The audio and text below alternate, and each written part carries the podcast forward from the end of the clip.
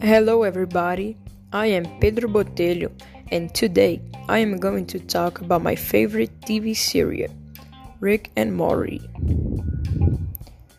Rick and Morty is a comedy animation created by Justin Roiland and Dan Harmon, and it was exhibited in Cartoon Network some years ago.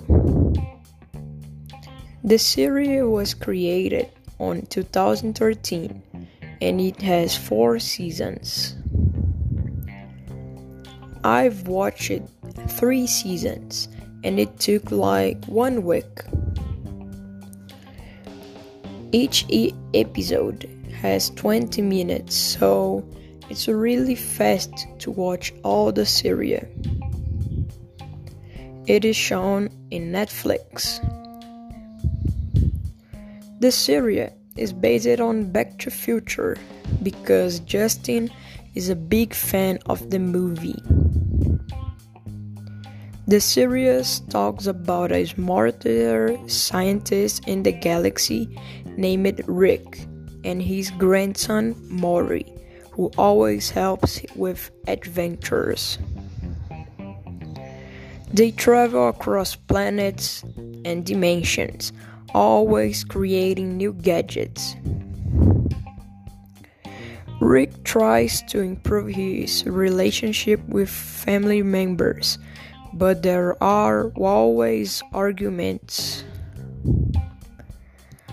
I really like this series because the characters are well developed and the story is interesting. There is no famous actor because it is an animation.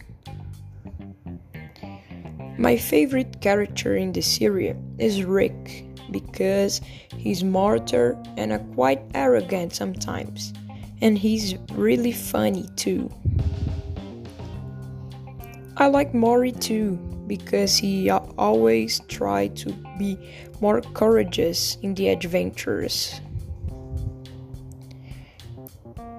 The soundtrack is really good and it fits perfectly with the theme of the space and galaxies. The main public of the show is teenagers and adults. Thanks everybody for listening the podcast. Hope you guys liked it and see you in the next one.